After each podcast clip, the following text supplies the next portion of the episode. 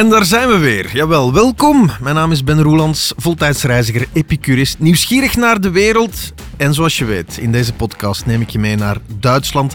De reden daarvoor is erg simpel. Volgens mij is Duitsland nog steeds onontgonnen terrein als vakantieland, terwijl het zoveel te bieden heeft. Het heeft meren, zeeën, het heeft bergen, het heeft prachtige steden ook, geweldige gastronomie en vooral, het heeft eilanden. Ja, vandaag gaan we dus naar een eiland. Een tropisch eiland, misschien zo kan ik het niet omschrijven, maar waarover het precies gaat, dat kom je zo meteen te weten van uh, onze gast van vandaag. Hij is uh, ja, een begenadigd reisreporter, want hij werkt ook voor een website reisreporter.be en hij houdt van slow travel. Alles traag en gestaag. Bruno Looks, goedemiddag, welkom. Hallo, dag Ben. Was die omschrijving een beetje correct? Ja. Of was het te sumier? Nee, kan het nog, klopt helemaal. Ik kon nog een half uur doorgaan Nee, nee, over u. Hè? Nee, nee, nee. Want jij bent al jaren reisreporter. Hè? Klopt, ja. En, wat typeert jou zo allemaal? Ehm, om te beginnen, ik ben een levensgenieter. Gewoon van het leven genieten. Rustig aan, eh, niks dat moet. Ja. En eh, dus op die manier reis ik ook graag. Hè. Dus traag, dat kan met een trein, kan op een andere manier. Ja. Met de fiets heb ik heel veel gedaan, wandelend. Eh, maar om een dagbeschrijving te maken, ik ontbijt graag, ga dan even op stap. En dan een uur, twee uur later ben ik aan het rondkijken, is hier geen terrasje, kan ik een koffie gaan drinken. Om dan een dikke twee uur later nog een, een lekker lunch of een broodje ergens mee te eten. Als dat kan, dan eh, zal dat ook met een taartje zijn in de namiddag. Hola. Want dus, dat is wel een specialiteit die ze hebben in eh, Duitsland. Ja. Dus die torte, die ik zeer graag eet, met een lekkere tas koffie, een goede scheut, of, of ik zou moeten zeggen, vleug slagroom er bovenop. Mhm. Om dan af te sluiten met een eh, lekker glaasje of een pintje. Hè. En tussendoor, niet vergeten, bezoek ik ook dingen en kijk ik ook Ik mag het hopen eigenlijk. Ja, ja, het leven van Bruno in een notendop. Nee, nee, maar ik, ik weet, jij hebt destijds ook de grenzen van België afgefietst. Dat was slow travel in een periode wanneer er van slow travel nog geen sprake was eigenlijk. Ja, klopt. Dus ehm, ik eh, was toen net de 40 gepasseerd. Eh, misschien was het wel een midlife crisis. Mhm. Ehm, en ik had nog nooit een fietsvakantie kunnen beleven, terwijl het dat al op mijn agenda stond van mijn vijftiende. Ja. En dan heb ik gezegd van, kijk tegen mijn vrouw, ik ga elke vrijdag stap ik op de trein met de fiets en ik fiets een stuk van de grens af, bijvoorbeeld van Knokken naar de Pannen. En daar kom ik aan de zondag en kom ik met de fiets terug. En ik ga dat elk weekend zo dikwijls doen en ik fiets 2000 kilometer rond. En, want dat was uiteindelijk mijn traject dat ik gedaan heb. En dat is goed verlopen. Ik heb daar heel veel dingen ontdekt, daar ook mensen mee geïnspireerd. Eh, er is een fietsgids uitgerold en eh voilà, reisreporter was geboren. Ja, wat is, wat is zo het grote voordeel van die slow travel? Want ik zal je eventjes beschrijven. Ik, ik ben ook reisreporter. Ik mag mezelf zo wel noemen na zoveel jaar. Maar wat dat bij ons is, ja, als wij een trip doen, dat is hels. Hè, dat is van de hak op de tak. Dat is een zeer strak schema. Dat is eigenlijk mensen zeggen, oh, ze zijn weer op vakantie geweest. Wel, vergeet het. Het is eigenlijk van de ene plek naar de andere hollen. Dat is echt iets, het staat in schril contrast met wat dat jij doet dan. Klopt, dus eh, ik ben zo helemaal niet begonnen. Ik weet dat dat soms in een programma zo wel kan zijn. Ja. Maar dat is helemaal niet wat ik wil doen of eh, en ook meestal niet doe. Dus eh, ik, ik ga dus inderdaad rustig aan, omdat voor mij al hetgeen dat rondom vakantie, reizen te maken heeft, is net hetgeen dat je wilt doen. Dat is tot rust komen, onthaasten. En daar is het ook met dat fietsen begonnen, dus de tijd nemen. Langs de grenzen, heel veel mensen zeggen van, daar is niks te zien. Ik zeg, daar is veel te zien. Maar dat was ook zo met de ontdekkingsreizigers. Destijds gingen mensen naar Amerika en er waren mensen die zeiden van, je moet daar niet naartoe gaan, want daar is niks. Er waren anderen die zeiden van, we moeten daar naartoe gaan, want er is nog niks. Ja, ja, ja. Het is maar een mindset. Ja, het is maar een mindset. Wauw, prachtige quote. Fantastisch. Ja, we gaan toch eens eventjes eh, praten over die bestemming waar je naartoe bent geweest. Hè. Je bent voor ons eh, naar Rügen gegaan. Wat vele mensen niet weten. Duitsland heeft eilanden. Ja, klopt. Verschillende zelfs. Rügen is het grootste eiland. En mensen denken dan van, wat is dat grootste eiland? Om een idee te hebben, om er dwars door te rijden met de auto, ben je toch 70, 80 kilometer onderweg. Ja. Dus eh, reken er ook bij dat dat geen snelwegen zijn. Ja, dat je daar wel eens anderhalf uur tot twee uur kan overdoen, eer dat je er dan dwars door bent. Dus eh, ook daar weer dus rustig aan, Je zit op een eiland en uh, het is prachtig gelegen. Het is aan de Oostzee. Het maakt bijna een connectie met Denemarken. Het is voor de meeste Belgen, denk ik, onbekend. Het was voor mij trouwens onbekend, tot als ik een keer goed op de kaart ging kijken. En het is het ontdekken waard. Dus um, ik heb altijd zo'n Belg en een Nederland meter bij. Dat is dus dat ik noteer hoeveel Belgen dat ik tegenkom, of Nederlanders dat ik tegenkom. Anderzijds eh, kan je dat ook hebben met Engelsen en dergelijke. Maar dat Wat betekent... Is dat, een soort van kwaliteitsbarometer? Dat is dan een soort kwaliteitsbarometer. dus, uh, ja, toch wel dat, zoveel Engelsen ja, tegengekomen. Ja, dat kan niet dus, door de beugel. Omdat, hè, ik zeg altijd, wij praten dezelfde taal met Nederlanders, maar we hebben een heel andere uh, idee over reizen en vakantie. Hè. Dus, uh, ja. En dat zegt dan voor mij heel veel. En ik denk dat ik, uh, ik ben ruim acht dagen op Rügen geweest, dat ik er wel geteld ja, vijf of zes Nederlanders ben tegengekomen, geen enkele Engelsman en ook geen enkel Belg. Wauw, dit is echt onontgonnen terrein dat we hier betreden. Ja. To boldly go, where no man has ever gone before. Neem eens eventjes mee, want je bent natuurlijk um, naar Rügen moeten reizen. Ik heb eh, zeer nauwkeurig onderzoek gedaan voor dit gesprek natuurlijk. Letterlijk, ik ben eens naar de Wikipedia-pagina gesurfd uiteraard. Wat blijkt, Rügen is zoals je zei het grootste eiland van Duitsland, gelegen in de Baltische Zee. En het staat bekend omwille van zijn uitzonderlijke natuurlijke schoonheid. Het is trouwens ook de geboorteplaats van Theodor Bilrot. Uh, ken je die man? Nee. Dat is de grondlegger van de moderne buikchirurgie. Okay. Ik dacht, dit geef het eventjes mee. Ja. Dat kan ja. je vanavond weer aan het diner ja. vertellen natuurlijk. -hmm. Maar je moest dan uiteraard uh, naar het eiland gaan. Daar heb je een ferry voor genomen, neem ik aan. Hoe is nee, dat? Nee, er geen ferry voor nodig gehad. Dus ah. uh, ik ben uh, naar daar met de auto gereden. Ja. eerst was het plan dat met de trein te doen. Is perfect mogelijk. Dus je reist via Hamburg of Berlijn. Maar dan moet je daar overnachten, want je haalt je bestemmingen niet op het einde. En dan mag je s morgens om 6, 7 uur vertrekken. Dus, want ook in België vertrekken de trein niet eerder. Ja. Dus ik heb gekozen om met de auto te rijden. En dan heb je bijna een snelweg tot Stralsund. Dat is het toegangspoort tot het eiland, waar ze nu een brug hebben. Het verleden was daar een ferry. En dan uh, was het doorrijden over het eiland. Maar van het moment dat ik aan het hotel was, heb ik bij wijze van spreken de autosleutels aan de eigenaar gegeven. En heb ik mij laten voeren door het openbaar vervoer. Wow. Wat perfect mogelijk is. Wie dat heel graag slow travel doet van in het begin, ja, die kan dat met de trein doen. En die kiest dan voor dat 49 euro ticket. Hè? Want dan kan je voor 49 euro een maand lang al het openbaar vervoer gebruiken. Hè? Dus uh, in Duitsland, je komt tot op je bestemming. En dat ticket daar is dan ook geldig zelfs voor de bussen. Dus dan kan je er alles mee doen voor 49 euro. Dat is weer zo typisch Duits. Ja, ja. Geen 50, maar nee, 49 ja, maken we ervan. Klopt, klopt. Ja, ja.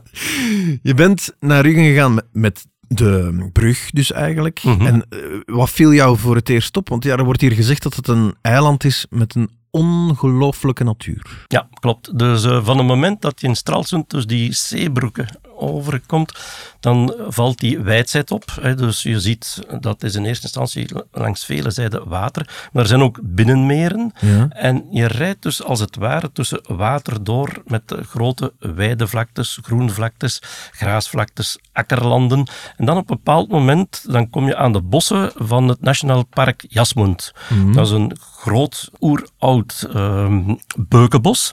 En dat is dus zeer prachtig. Ik dacht dat ze op een bepaald moment, dat is hier allemaal zo prachtig onderhouden, dat ik dacht dat ze de kanten met een schaar millimetreerden. dus uh, het gras aan, aan die kanten. Was zeer prachtig. Brede lanen om te rijden, brede lanen om te fietsen. Ja. En ja, zo kan ik wel doorgaan. Um, en dus van een bepaald moment dat je dieper in het eiland komt, dan wordt het ook wat heuvelachtiger. En dan merk je dat je toch aan het stijgen bent. En dus op het laatste kom je aan die grillige kusten met de krijtrotsen. Ja. En dan begeef je dus op 100 meter boven zeespiegel. Ja. Dus om te zeggen, het is dus een gevarieerd programma. Het begint van de wijdse vlakten. Je gaat door een bebost gebied en je komt uit op een grillige kustlijn. Dat had ik niet verwacht Ja, op zo'n ja, eiland. ja, ik denk aan een waddeneiland. Nee. Ik heb Noordernij ooit zelf gedaan als Duits eiland, maar Bergen, dat heb je daar niet. Laat staan een, duin, een Mhm. duin met wat gras op, uiteraard. Die krijtrotsen, dat is ook vereeuwigd, denk ik, op schilderijen. Ja, Dus uh, daar is een bekende schilder, de naam ontglipt mij. Caspar David Friedrich. Oh, dat is ook moeilijk om uit te spreken, vandaar. Dus, uh, maar inderdaad, het is daar vereeuwigd op een schilderij. En dat schilderij zie je wel vaak terugkomen. En dan zie je ook bepaalde mensen die dus naar, ja, laat me zeggen, Monet-inspiratie gaan, dus hetzelfde gaan gebruiken. Mhm. En het nog steeds trekt het blijkbaar veel kunstenaars aan. Uh, wat dus ook wil zeggen, want ik heb me vertellen, ik weet niet dat dat waar is, dat de meeste beginnende kunstenaars, dat dat mensen zijn die niet welgesteld zijn. Wat ook iets zegt van de bestemming, dat het niet duur is. Ah ja. Dat zou je misschien wel kunnen zeggen. Of dat het, dat het lichter anders is. Dat zou ik mij ook kunnen inbeelden. Inderdaad. het is een feit, dat schilderij waar je het over hebt, ik kan er mij iets bij voorstellen. Het is een toonbeeld van de romantiek waar men het over heeft. Mhm. een, ver, een verheerlijking van de natuur. Een verheerlijking van het menselijke kunnen ook wel. Een romantisering van de werkelijkheid. Daar komt het eigenlijk een beetje op neer. Had je zelf ook zo'n romantisch gevoel bij het aanschouwen van die krijtrotsen? Ehm, bij die krijtrots op zich niet.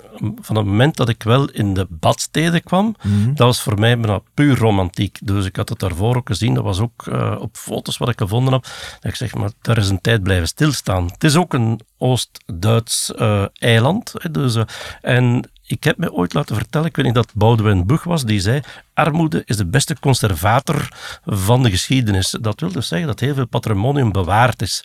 En dat is daar ook. Dus uh, daar is heel veel architectuur van in het interbellum. dus de, de tijd rondom de Eerste Wereldoorlog. Ja. En dat is daar prachtig behouden. Je hebt daar dus werkelijk huizen en, en uh, die dus versierd zijn met die bogen. Hè. Doe een beetje denken aan Victor Horta, Arno Nouveau, de Jongenstil. Ja, dus uh, dat.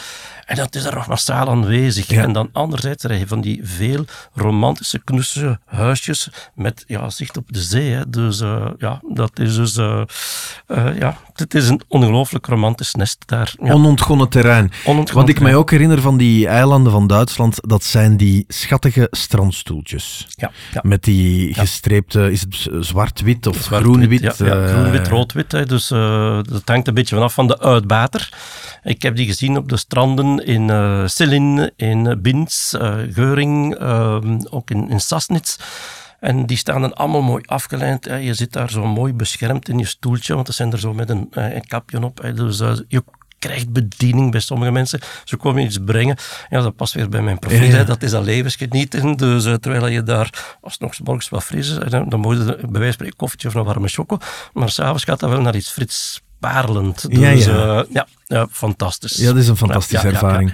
Ja, het doet mij ook een beetje denken aan die... Um, de opkomst van het toerisme eigenlijk. Hè. Mhm. Badcultuur, um, dat uh, heeft veel betekend voor andere Waddeneilanden. Thalasso-cultuur, uh, mensen die de stad ontvluchten destijds. Ook voor dat interbellum, de Belle Époque, uh, wat dat we hier aan onze kust ook hebben meegemaakt. Voel je dat daar dan ook? Die architectuur spreekt al boekdelen waarschijnlijk. Ja. Mensen ontvluchten de stad destijds om de vieze lucht te ontvluchten en om daar eigenlijk te herbronnen klopt. Men ging daar ook letterlijk herbronnen. Als ik het mag vergelijken al met een badplaats, dan zou ik het vergelijken met de Haan. Dus uh, allemaal laagbouw, er is geen hoogbouw. Dus wat dus allemaal prachtig bewaard is. Het, geeft ook iets van paleisachtige gehelen. In uh, Céline bijvoorbeeld heb je een prachtig strandpaviljoen dat staat uh, in de zee. En dat baat dus al dus, uh, die architectuur uit. Het is uh, ja, bijna iets sprookjesachtig dat je daar ziet en je zegt van ja, ik moet daar naartoe. Je moet er ook naartoe, want je kan daar heel lekker eten, iets drinken en je zit op het water. Maar daarachter ligt nog iets veel knapper. Daar kom ik straks nog op terug. Oeh, nu maak je mij heel erg benieuwd. Nu, de hamvraag blijft, ben je zelf tot rust gekomen op het eiland? En wat ben je daar in godsnaam gaan doen, ja. buiten dan koffietjes drinken op het strand. Ja, dus ik ben daar helemaal tot rust gekomen. Hè. Dus zoals gezegd had ik uh, mijn sleutel afgegeven, bij wijze van spreken, aan de hoteleigenaar. En je moet letterlijk gaan leren herplannen. Wij zeggen bijvoorbeeld, ik moet straks om twee uur in Antwerpen zijn. Je gaat kijken en je zegt, oh, ik neem een trein dan. Ja. Nee, dus je gaat hier kijken van, wat uur heb ik een bus morgens? Elk dorp is bereikbaar binnen het uur, binnen twee uur. En dan ga je je dag gaan opbouwen. Dus het is een andere manier van plannen. Maar dat maakt je zo kalm, zo zen. Dat hmm. is, ja, je rijdt door dat landschap. Dat is dus, je weet, ik ben op dat uur daar. Dan kan ik daar een trein nemen of een boot nemen. Je moet dus gaan herplannen. En dat is hetgeen dat ik heb gedaan. En dat was een fantastische manier om, om ja, gewoon beginnen te reizen. En wat dan ook nog leuk is, Ben, op de meeste plaats waar ik moest wachten op de bus, was ook een gezellig koffiehuis of café. Ja. Dus uh, dat was ook mooi meegenomen. Dat is heel praktisch natuurlijk. Het is een beetje het walhalla voor wandelaars ook. Hè? Ik kan me inbeelden, zo'n eiland verkennen per fiets is fijn, te voet is ook fijn. Ja, te voet. Het is... Uh, ongelooflijk aantal kilometers. Ik weet niet, maar het zijn er letterlijk een paar honderd kilometers aan uh, wandelpaden, wandelwegen, fietswegen, perfect onderhouden. Mhm. En je kan daar ook weer gaan combineren. Hè. Dus uh, openbaar vervoer met wandelen, fietsen. Um, op een bepaald moment uh, had de hoteleigenaar gezegd van, kijk, je moet die wandeling doen. En dan, dus daar is een bushalte. Ik dacht, een bushalte in het midden van een bos. Ja. Er was een bushalte mag je dat Duitse punktelijkheid noemen. Ik was dus inderdaad op tijd en op stip op tijd was die bus daar en ik had terug een connectie naar het hotel. Dus, uh, dat was eigenlijk een soort kustpad. Daar prachtig om te doen. Ben je ook uh, gaan baden in Weelde, toevallig? Nee, daar had ik tijd voor tekort, maar er is wel een reden om terug te gaan. Ja, absoluut. Ja. Nog zo'n reden om terug te gaan is uh, Sturtebeker Festspielen. Dat is een festival eigenlijk dat daar elk jaar plaatsvindt, een openluchttheater. En daarin wordt het verhaal van Klaus Sturtebeker verteld. Wie is Klaus Sturtebeker? Ik heb er alleen maar van horen praten. Hè, dus, ja, wij allemaal, uh, denk dus, uh, ik. ik, ik uh, ben naar die festspielen niet geweest. Blijkt een piraat geweest te zijn. Ja, maar wat ik dan wel weet, Ben, dat is dat Sturtebeker, dat dat een zeer goede brouwerij is. dus, niks anders dus, verwacht. Ja, dus dat weet ik dan wel. Maar verder is het, het verhaal mij een beetje ontgaan. Dus, ik heb het eventjes voor je opgezocht. Ja. Mm. Bruno, Klaus Sturtebeker was een piraat die in de 14e eeuw leefde, um, die uh, een beetje ruzie zocht met de Deense, het Deense koningshuis uh-huh. en die vervolgens onthoofd is. Um, en hij had met de beul een afspraak gemaakt. Hij zei... Uh, je gaat het aantal mannen dat ik nog voorbij stap na mijn onthoofding, ga je vrijlaten. Blijkbaar heeft zijn lijk, zonder hoofd, nog elf mensen gepasseerd en die elf mannen zijn dan nog vrijgelaten. Het is een beetje met de haren getrokken, denk ik. Dit is een legende. Ik denk niet dat we het iets van waarheid moeten aanschouwen. Maar die Klaus Sturtebeker die slaagde er ook in om een pint bier in één teug leeg te drinken. Waarschijnlijk was het dan ook dat lekker bier dat jij hebt mogen proeven. Heb je het geproefd, die Sturtebeker? Ja, ongelooflijk. Dus uh, ze hebben een heel reeks bieren, gaande van een eh, ja, een zeer aangename, laat maar zeggen, terrasjespils. Ja. Tot ja, een stoutachtige, dikker uh, bier dat wat meer romig is. Dus fantastisch. Oké. Op uh, vlak van gastronomie. Ja. Ik weet niet wat ik me moet voorstellen bij het eiland. Um, ja, hebben ze dan typische fruits de mer, zoals we dat kennen? Of uh, zijn het oesters? Of, of, wat kan je daar allemaal gaan eten? Wat ik daar heb gegeten is inderdaad heel veel vis. Um, maar ik heb mij daarvoor beraad op heel veel kwaliteitslabels die ze hebben. Dus uh, ze hebben er ook uh, Culinary Heritage. Um, ze hebben een label dat teruggaat aan um, duurzaam vissen, duurzame visserij. Dus verschillende labels die daar zijn. Mm -hmm. Bijna te veel om op te noemen. Maar dat maakt dat je dus bij wijze van spreken bij een man kan gaan eten die s'morgens nog gaan vissen is en s'avonds in zijn fish-imbis de vis voor jou kraakvers uh, klaarmaakt. Schitterend. En dat is ja, een ongelooflijke ervaring. Uh, ja. En dan is het eigenlijk eten wat het visnet schaft. Ja, hè? dat is zo. Dus dan valt er niet ja. te kiezen. Je, kan wel kiezen, maar dan is het niet dagvers. Hè? Dus je hebt dus een dagverse aanbieding en je hebt dus dingen of vissen die er al liggen. Bijvoorbeeld bij een van die vissers waar ik gaan eten ben, die had ook een eigen rokerij. Wow, fantastisch. En hij liet me dan ook proeven van een zalm en andere gerookte vis, maar die dus, ja, waar ze nog mee bezig waren. Ja, dat, super. Je legt zo een moot zalm op je tong en die smelt haast weg. Het is fantastisch. Is, ja, ja. Heerlijk is dat. Ja, Echt schitterend. Mm -hmm.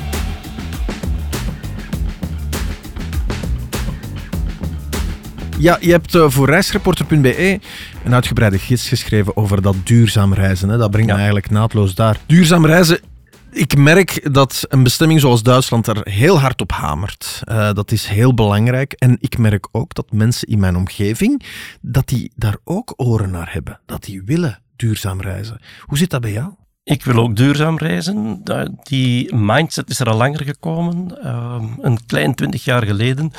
Dat ik een maquette mocht zien die men interactief de sneeuw kon laten verdwijnen. En toen had ik zoiets van, verdorie, als wij hier nieuw gaan oppassen. Ja, mijn kleinkinderen, dat was toen nog niet van toepassing. Maar die gaan nooit nog zien wat dat sneeuw is. Die gaan alleen maar bruin bergen zien. En dus we moeten dat uh, gaan veranderen.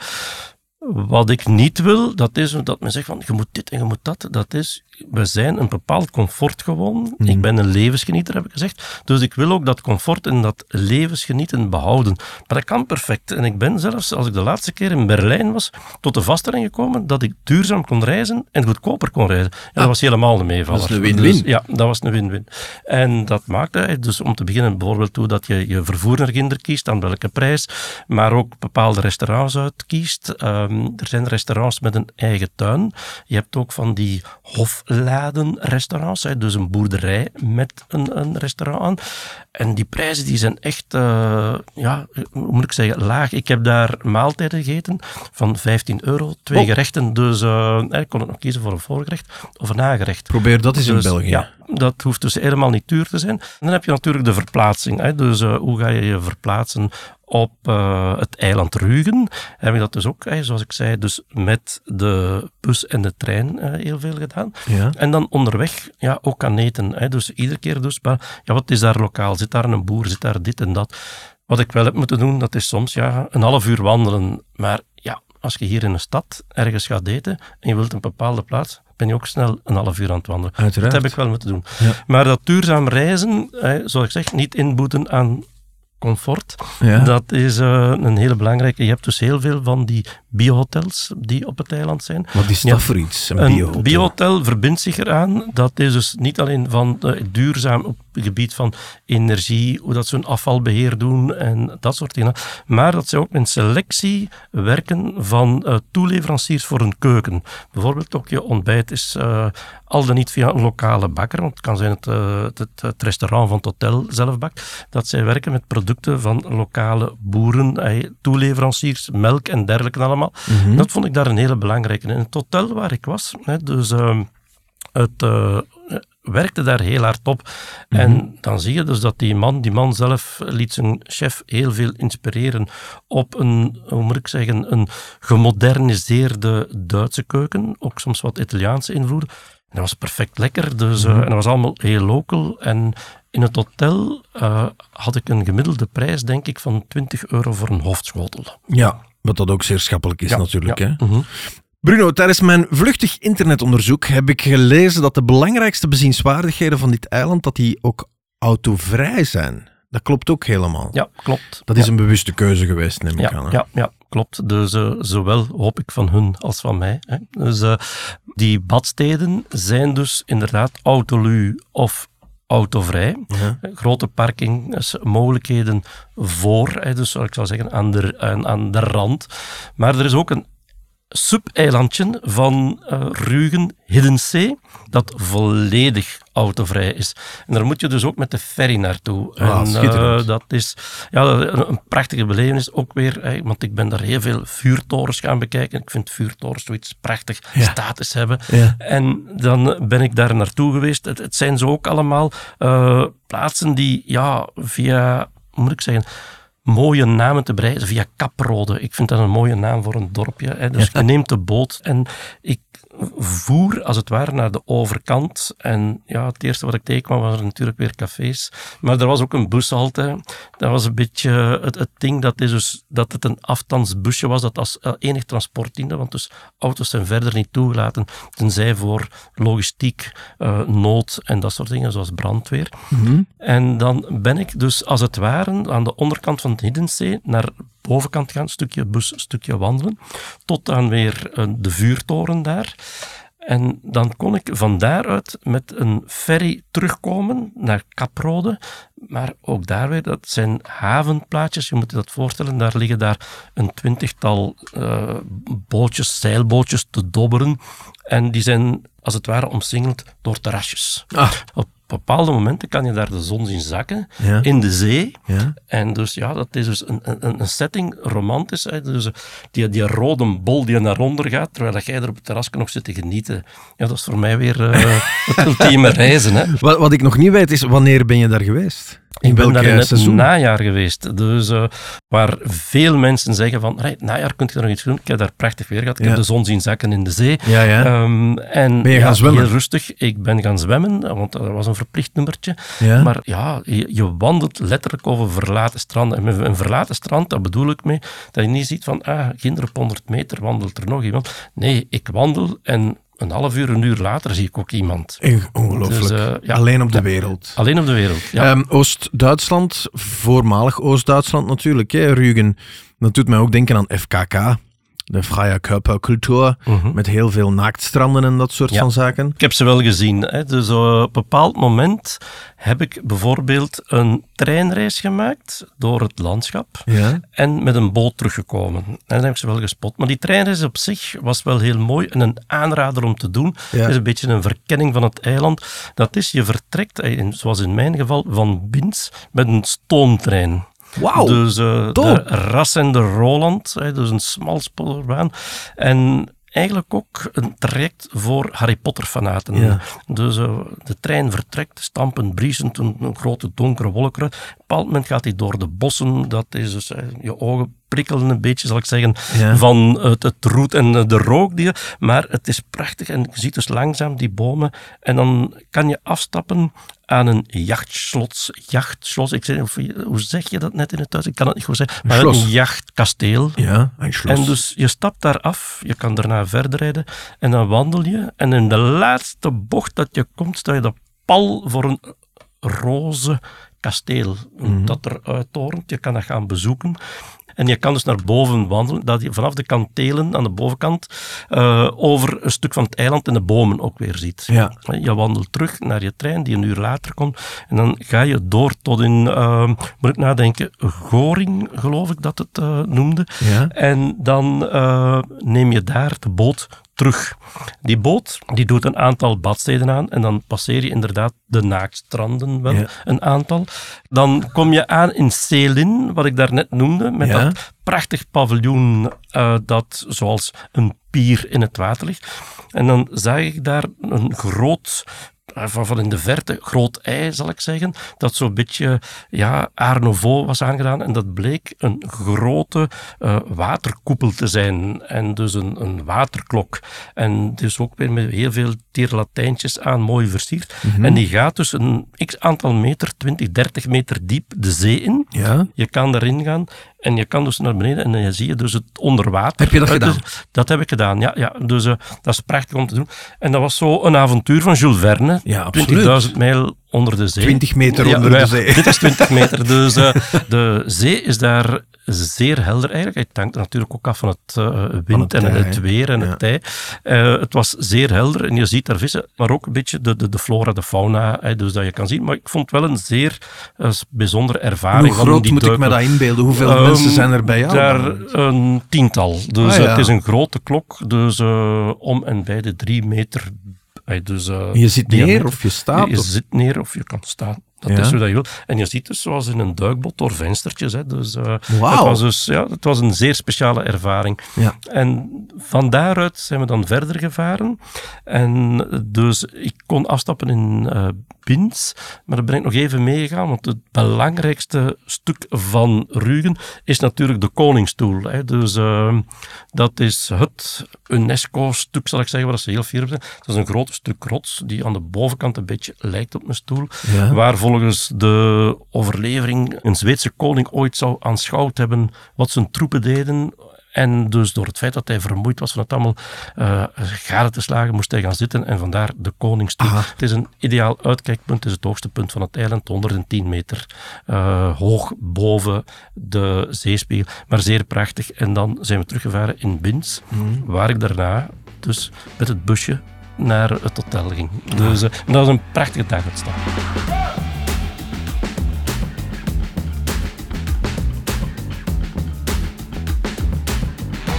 Je spreekt ook over dat typische eilandgevoel. Hè. Ik heb dat ook vaak als je naar een eiland gaat. Dan zit je soms nog in de rat race van thuis en je wilt de dingen sneller laten verlopen, maar dat gaat niet. Het eiland dwingt jou om op een ander ritme te gaan leven. Klopt. Dat klopt, hè? Klopt. En dat, dat is iets wat ik heel vaak bij eilanden heb. Misschien is het het wijgevoel dat je hebt op een eiland. Je zit er allemaal samen op en je kan er niet af. Dat, dat voel ik heel hard bij eilanden. Die dwingen jou om een ander ritme aan te nemen. Dat had jij ook, neem ik aan. Ja, ja, het is ook, je wordt letterlijk ondergedompeld in natuur. Hè, dus uh, natuur is niks snel. Dus, uh, en dan ga je dus ja, daarmee in die flow. De eilandbewoners, dat is voor een stuk ook, zoals je zegt, van ja, wij hebben onze business thuis. Het zijn boeren, het zijn vissers en ja, die gaan mee met de getijden. Dus het, het, is, het dwingt je tot die dingen. Uh, op zijn Oost-Duits ook een beetje. Soms hebben ze de indruk dat het een beetje nors kan zijn. Stug, maar, het is, ja. maar, maar het is absoluut niet. En ze nemen dus echt rustig mee. Ze nemen de tijd.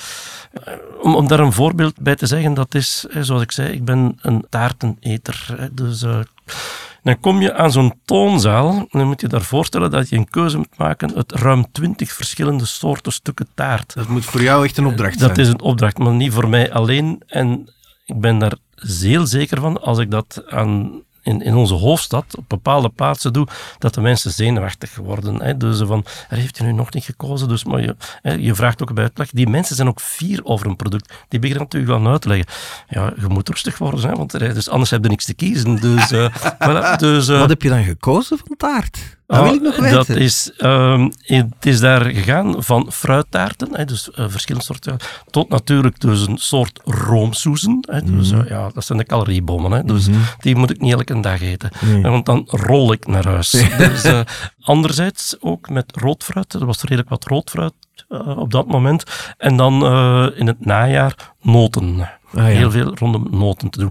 Maar ik, ik bedoel dus echt taarten, hè, dus geen cake of, of, of die dingen, wij, wortelcake, notencake, het zijn echt allemaal taartjes, dus soms met hele fijne filoteeg. Mm. Dat is dus, ja, ja, het water komt uit mijn Ja, ik hoor het. Ja, ik hoor het. Breng een taart, alstublieft. Kunnen wij hier taart hebben? Of Ja. hoe zit dat eigenlijk? Hm? Schitterend, Bruno. Come up, slow down. En dat allemaal op ruggen. Ja. Zoals elke keer vraag ik ook naar de figuur van de reis. Hè? Want een reis draait alleen niet om plekken en ervaringen. Het draait ook om mensen. En in iedere aflevering vraag ik dus aan onze gast, wat dat jij nu bent, Bruno, om de figuur van de reis te benoemen. Een bekend persoon of misschien een vriendelijke hoteluitbater Ja. of een grappige ober. Ja. Ik heb eh, veel gehad aan de hoteluitbater. eh, Was dat een biohotel? Het was een biohotel. Ja, dat was een bewuste keuze. Dus ik had alles vooraf goed gekozen. Ik had ook mijn dagprogramma gemaakt. En om, om daarop terug te komen, ik liet mijn dagprogramma zien aan de hoteleigenaar, Matthias Ogilvy. Absoluut geen Duitse naam. Een lettertype. ja, ja, Ogilvy. Ja, Ogilvy. Dus eh, hij, hij had dus blijkbaar uh, Angelsaksische roots. Die man is daar in uh, 1991 neergestreken. En die heeft ook, net zoals die, uh, laat ons zeggen, dus de mensen die destijds naar het Wilde Westen trokken, naar Amerika, zij daar aangekomen en heeft ook gezien, hier is nog niks. Er is hier nog veel te doen. Mhm. En hij heeft daar een hotel, eh, dus een, een zeer mooi panorama-hotel. Uh, uh, zeer prachtig hotel, gebouwd begin jaren 20e eeuw. En een van zijn belangrijkste trouwens, een goeie om te zeggen, was Mhm. Angela Merkel gast. Dus uh, die is daar meerdere keren op uh, bezoek om maar te zeggen van het hotel is wel iets, maar verwacht geen chic vijf sterren wellnesshotel, want het is het niet. Nee. Het is rustig, op een rotspunt gelegen, waar dat je dus letterlijk, want hij zei, zijt je al beneden in mijn tuin geweest? Nee. Hij zei, je moet een keer naar beneden wandelen. En ik wandelde naar beneden, kwam ik ook weer aan zo'n jachthaventje. Daar lagen daar vijf boten te dobberen op het water. Ja. En ook weer een caféke. En dus, uh, dus Hoorde je de rode dat draad? Is, ja, ja dus, uh, en, en, maar, je, zit, maar je moet dat voorstellen, Ben, Ja. dat je dat praktisch voor jou alleen hebt. Ja. En dus dat daar misschien nog twee, drie gasten zitten. En dat is alles. Ja. En want die man die ging door mijn programma, om daarop terug te komen, die zei van... Veel te veel. Dat ja, hoorde ja, jij ja, graag. Ja, ja, En dus hij is beginnen gaan te schrappen in mijn programma. Dat beginnen gaan aan te passen. En uh, dan heeft hij gezegd van, dat is doenbaar. Hij zei, maar je bent één ding vergeten. Zeg, ah, ja, tja. Dat is Stralsund, de toegangspoort. Ja. ah, waarom? Eh, moet je doen, al doet je maar een daguitstap. Je kunt er ook weer met de trein naartoe. Maar het is UNESCO Werelderfgoed sinds 2002, denk ik. Hij zei, en daar is een heel mooi zeemuseum, Oceanium, dat in 2010, denk ik, verkozen is tot het Europees beste museum. Dus niet niks. Nee. Dus daar ben ik ook naartoe geweest. En dus dat eh, Oceanium, dat was dus prachtig om te zien. Ook daar weer liefhebbers bijvoorbeeld van fish and chips. Ja. The place to be. En het ontdekkingje daar, dat ik niet had verwacht, dat was een humoristisch museum. Ja, daar heb ik iets over gelezen. Ja, ja. Over een museum voor komische kunst. Ja, het klopt, ja. Scurileum. Ja, klopt. Wat klopt. is dat? Dus eh, je moet daar... Museum eh, voor ja, komische kunst. Dus ja, alle bekende figuren prijken daar. Bijvoorbeeld, hè, dus, toen was het nog Prins Charles daar. Hè, dus eh, met zo, ja, zijn neus een beetje uitvergroot en die dingen. Maar ook ehm, kunst is gebruikt destijds in de oorlog om grappen te maken. Hè, dus eh, met elkaar, met de vijand. Ja, Ah, ja. als maatschappijkritiek. Je vindt daar alles wat het eh, rondom kunst, het dagelijks leven, kritiek, maar op een humoristische wijze. Dat is een absoluut een aanrader. En Mhm. Toen ik er was, 5 euro inkom. Dat is uh, c'est gagné, hè? Ja, ja. Dat is eh, gegeven eigenlijk. Ja, ja, ja. Ja, oké, dus dat is jouw eh, tip. eh Stralsund, waar je Ja. naartoe moet met de rode baksteen gotiek. Ja. Het is de toegangspoort tot het eiland Rügen en het Meeresmuseum vind je daar ook. Oftewel het Oceanium. Klopt. Wat ik nog wil weten, die Baltische Zee, is dat nu een andere zee dan, ik weet niet, de Waddenzee of de Noordzee? Zeer zeker. Echt? Ja, ja, En waarom? Ja, ja. Eh, veel authentieker. Ja. Dus de- er is daar, zoals ik net zei, geen hoogbouw. Maar je vindt daar nog heel veel ongerepte stranden. Ehm, je hebt dus de witte stranden van de badsteden, zoals hè, Celine, Bins, Mhm. eh, die, die, die dus prachtig zijn. Maar ik ben ook op verlaten stranden geweest, waar dus ja, letterlijk van die ja, ehm, stenen, zware stenen liggen, die, die, die afgerond zijn door de jaren die ze liggen, eh, takken die verweerd, dus door een storm zijn aangespoeld. dus letterlijk eh, stukken waar, waar, waar geen mensen komen. Ehm, en eh, ik heb gezien, dus naar gelang dat het kouder wordt of warm wordt, dat de zee ook kleurt. Dus eh, ik heb al gezegd dat ze heel helder is. En dat gaat van azuurblauw, turquoise. En als je dan boven, en nog een aanrader die je moet doen, ze hebben daar ook weer zo'n boomwimpel eh, padtoren. Hè, dus Ja. eh, dan, kan je, dan zie je dus heel mooi op dat eiland en zie je die kleurschakeringen naar gelang de diepte. En ja, dat Ja, hebben wij niet. Hè. Onze, prachtig, dan is onze Noordzee een beetje bruin, de Waddenzee is ook een beetje bruin. Dus je, je- dat, dat is, dat is prachtig. En dat is dan die groene omgeving, die is omzeemd, als het ware, door dus die blauwschakeringen. Dat is prachtig. Wauw, Bruno, als ik jou bezig hoor, ik wil meteen een ticket boeken naar Rügen. Op zo'n duurzaam mogelijke manier natuurlijk, om daar te gaan slapen in een biohotel en eventueel nog een visje mee te pikken. Of fish and Zeker, chips op de dijk, dat Ja. zou dan ook wel kunnen Ja. natuurlijk. Hè. Je verwacht het niet, hè? dat is een beetje de rode draad van deze podcast. Het is onverwacht Duitsland en dat heb je hier met verve bewezen. Het is een prachtig verhaal dat je mij gedaan hebt. Dankjewel om ons te inspireren natuurlijk. Ik ga zeker ook eens kijken op jouw website reisreporter.be, want daar vind ik nog een race meer inspiratie, neem ik aan. Mijn vraag nu aan jou is, wa- wat is de volgende trip die je gaat ondernemen in Duitsland?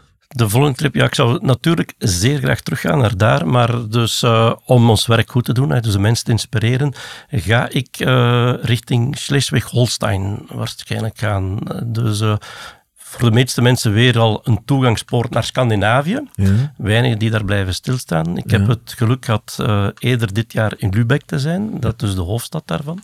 En eh, ook weer een Hansestad die, die de moeite is om te zien. Ook weer met mijn kwaliteitsteller van Engelsen, Nederlanders en Belgen. Dus, eh, zien rondlopen ja, die, die mooi in het groen blijft staan. Dus, en, en ja, er liggen ook weer allemaal eilandjes nog, hè, dus, die te ontdekken zijn. En, en, en ik, ik hou van hey, dus onontdekte kuststreken, zal ik zeggen, die nog een beetje ruig, ruw zijn, onontgonnen. Ja. Eh, ja, dus hey, zoals destijds de mensen zeiden die hey, naar Amerika trokken, je moet gaan, hè, want hè, zoals de ene zegt, er is daar niks, je kunt beter thuis blijven. Maar ik zeg van, je moet gaan, want er is nog van alles te doen. Valasse, dat is gesproken. Schitterend Bruno, geweldig. Ja, het aardsparadijs, het bestaat, het ligt in de Baltische Zee en het heet Rügen. Althans, volgens Bruno Looks van reisreporter.be. Bruno, dankjewel. Dank je. Graag eh, gedaan. ja, ja, het was fantastisch om eh, jou hier te gast te hebben. Je bent een begenadigd spreker en je hebt ons zeker kunnen inspireren. Mocht je meer informatie wensen, dan stel ik voor surf even naar germany.travel. Daar vind je nog allerhande informatie om jou te laten inspireren. En bovendien kan je je ook eventjes abonneren op deze podcast, want ja, dan hebben wij weer een aantal abonnees meer. En daar zijn we altijd blij om natuurlijk. Bruno, veel plezier in Schleswig-Holstein. Gaat zeker lukken, Ben. Ik hou je op de hoogte. Ja, en eh, niet te veel taartjes eten, is zeg. Belangrijk, hè? Hmm, kan ik niet beloven. Deze productie is tot stand gekomen met ondersteuning van de Deutsche Centrale für Tourismus. Meer informatie over het vakantieland Duitsland kan je vinden op germany.travel.